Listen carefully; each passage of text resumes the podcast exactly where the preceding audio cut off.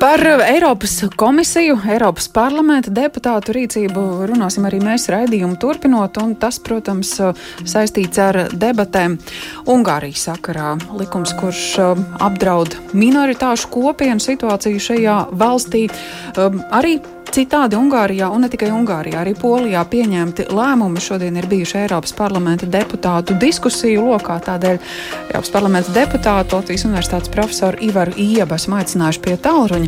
Labdien! Labdien! Jā, lai mēģinātu izprast, ar ko tad diskusijas šodien ir beigušās, zinot, ka rīt ir paredzēts balsot par rezolūciju, rītā arī Ungārijā stājas šķiet spēkā tas bēdīgi slavenais likums. Kāda noskaņa šobrīd ir Eiropas parlamenta deputātu vidū saistībā ar to?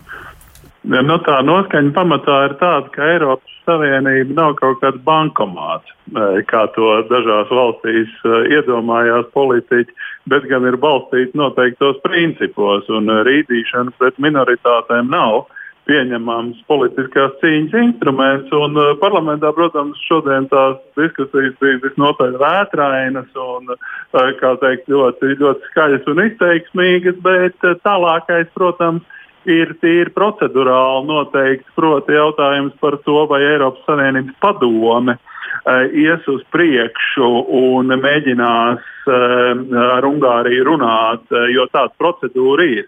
Eh, kur Eiropas padomē ir jāiesniedz rekomendācijas un pēc tam jāseko izpildēji attiecībā uz šādiem šaubīgiem gadījumiem.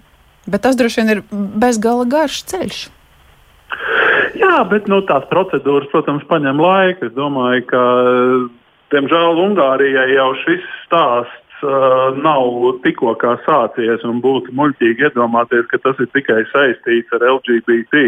Tas ir Orbānam lielā mērā tāds balva par mūža ieguldījumu, ja vēlaties. Jo, nu, tur ir problēmas ar to, ka tiek uzpirkti un politizēti mēdīji, tiesas, ka tiek slēgtas un izdzītas no valsts augstskolas un Eiropas Savienība jau tam seko līdzi. Eh, un skaidrs, ka tas nekas nenotiek ātri, un neviens tajā 27 valstu kopienā nevar pieņemt kaut kādu zibenīgu lēmumu, bet eh, tā mašīna darbojās, un viņš šobrīd izskatās, ka sāk darboties aizvien spēcīgāk. Uh, vai tā mašīna sasaistot ar, ar bankomātu, kā vienu no šīs ķēdes objektiem, varētu arī tikt nobloķēta tā Eiropas Savienības maksājuma daļa, kas Ungārijai pienāks, runājot par atvesaļošanās mehānismu, tas varētu būt tik stingri un bargi?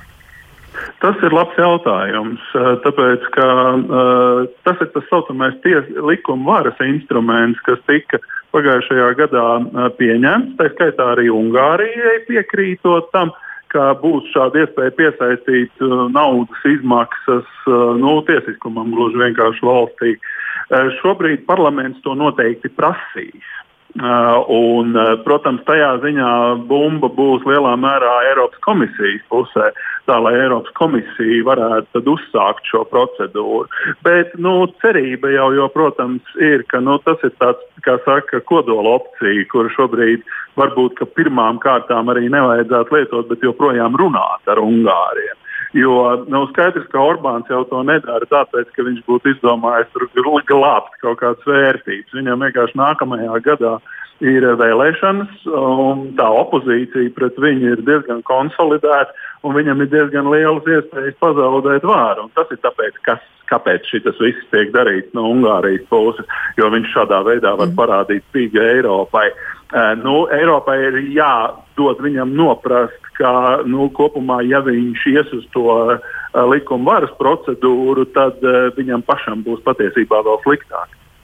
Nu, iepriekš uh, par to, ka cita izpratne par Eiropas cilvēktiesībām un, un vērtībām ir Polija arī mēģināja taču demonstrēt. Nu, un, protams, ka tas ir demokrātisks process, protams, kā ar, ar, ar lielām stingrām sankcijām nākamajā dienā neviens nevēršas, bet šajā tādā skaidrošanas procesā Eiropas Savienība, Eiropas parlaments ir ieguvēji, vai tomēr to vietvaru spēcīgie prezidenti vai, vai valdību vadītāji drīzāk iegūst tādu pozīciju, kurā var apliecināt to, ka kā Eiropa vēršas pret viņiem un arī saviem vēlētājiem, kur netrūkst viņu atbalstītājiem, paskaidrot, ka mūs mēģina Eiropas Savienība iznīcināt.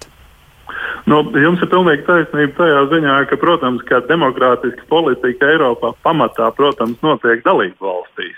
Un skaidrs, ka tie līderi grozi, kā grib, viņi ir demokrātiski ievēlēti. No otras puses, ja Eiropas Savienība ir izveidota kā šāda 27 dalību valstu organizācija, viņai tomēr ir pamatā noteikti principi, no kurām viņi neatkāpjas, lai neriskētu pārvērsties par bankomātu. Savukārt, ja mēs domājam eh, par to eh, jautājumu, vai tas nāks viņiem pašiem par labu, vai nāks viņiem pašiem par sliktu, nu, es domāju, ka mums nevajadzētu novērtēt par zemu poļus un ungārus. Arī gan Polijā, gan Ungārijā ir vesela virkne cilvēkiem, un ļoti daudz cilvēku, kas ir ļoti, ļoti neapmierināti ar to, kas notiek.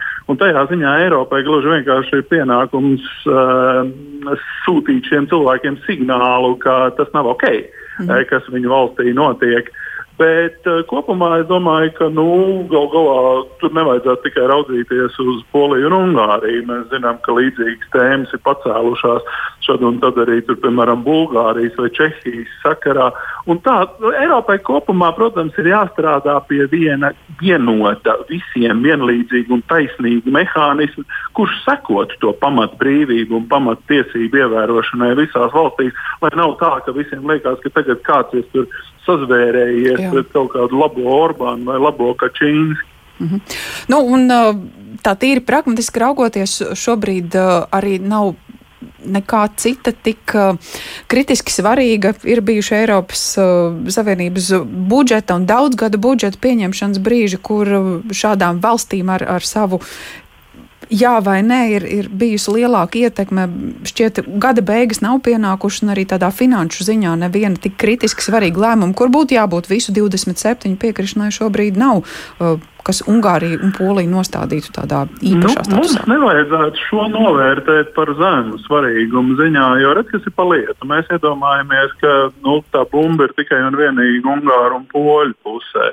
Bet nevajag aizmirst to, ka ir vesela virkne ar valstīm, kuras tieši tādā pašā veidā uztraucas par savu elektorātu, ja uh, Ungāri un Poļi tomēr neiekļausies kaut kādos normālos civilizētas politikas rāmjos. Man, piemēram, ikdienā sanāk diezgan daudz strādāt kopā ar Nīderlandes kolēģiem, kas patiesībā ir ļoti, ļoti neapmierināti, jo viņu vēlētāji prasa, piedošana, mēs maksājam tā Eiropas Savienības budžetā daudz, daudz vairāk nekā mēs saņemam pretī.